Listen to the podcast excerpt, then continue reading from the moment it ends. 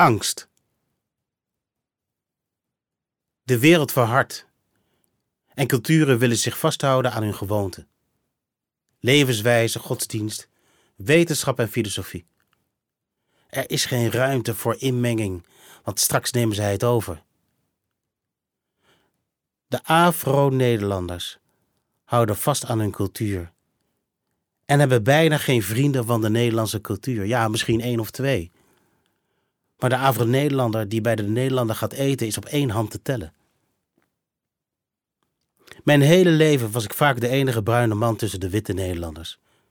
Ik maakte er zelfs een sport van om van tevoren te raden hoeveel bruine mensen zou ik tegenkomen. In mijn organisatie werk ik met alle culturen, waaronder Antilliaanse, Surinaamse. Ze komen uit Eritrea, Ghana, Congo. En ik vraag hen: hoeveel Nederlandse vrienden heb je? Het antwoord is niemand.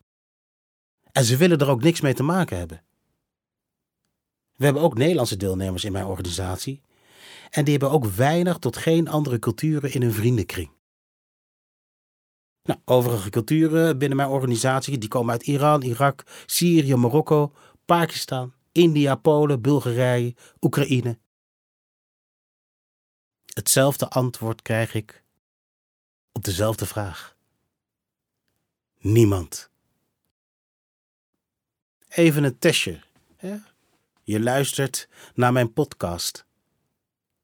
Slavernij, een genocide voor nazaten. Ik vraag nu aan jou.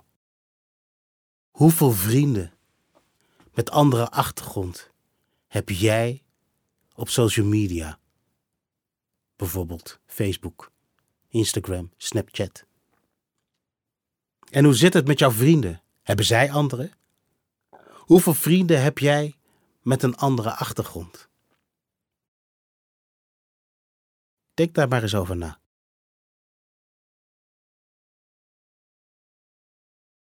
Onafhankelijk. Geschiedenis. Zwarte Piet, wat kan het schelen dat ik erop lijk?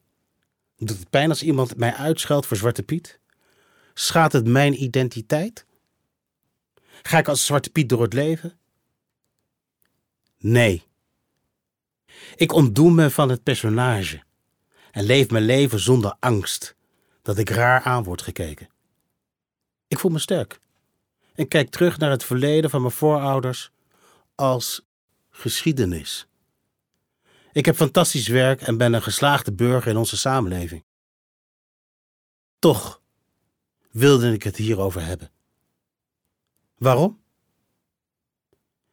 Na 75 jaar is er nog veel aandacht voor de Tweede Wereldoorlog.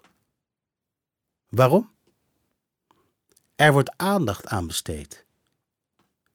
De slavernij zegt niemand iets. Leeft niet in het Westen en dat zal ook nooit gebeuren. Waarom? Vanuit de nazaten van de slavernij zijn onvoldoende woordvoerders op belangrijke posities die het op de maatschappelijke en politieke agenda kunnen plaatsen. Natuurlijk is er een monument, maar dat is niet genoeg. De geschiedenis van Nederland wordt op school gering tot niet verteld als het gaat om 350 jaar mishandelen, misbruiken en vernietigen van bruine mensen. 1 juli, de afschaffing van de slavernij is geen nationale feestdag, terwijl dat zeer op zijn plaats zou zijn voor bruine en witte Nederlanders. Waarom zou de witte Nederlander denken dat Zwarte Piet een slaaf is? Doe even normaal. Dat gaat nooit gebeuren. En ook niet naar mijn verhaal. Of misschien toch. Wel wil ik mijn geschiedenis met Zwarte Piet met onze verwarde samenleving op dit thema. Delen. Waarom bruine en witte Nederlanders zo heftig reageren, heeft niets te maken met discriminatie, maar met onbegrip.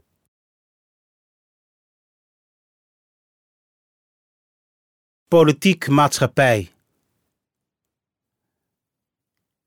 In een van mijn verhalen heb ik geschreven dat de politiek zich niet moet bemoeien met ons kinderfeest. Ik zal uitleggen waarom. Wil je als politicus iets zeggen over zo'n moeilijk onderwerp, dan moet het feitelijk zijn of een duidelijke mening. Ik vind dat we politici moeten hebben die durven zeggen wat ze vinden. Politici met ballen. Grote ballen. Er zijn maar weinig die met grote ballen kunnen overtuigen. Jesse Klaver wil van de regering excuses voor het slavernijverleden. Net zoals dat de nazaten hebben gewild en jarenlang hebben geroepen. In mijn ogen heb je dan onvoldoende besef van de consequenties van de slavernij. Er moet excuses komen van de bezetting van land, volk en vrijheid in Suriname, Caribisch gebied en Indonesië, dat meer dan 350 jaar duurde. Indonesië, nu 71 jaar onafhankelijk van Nederland. Suriname, nu 45 jaar onafhankelijk van Nederland.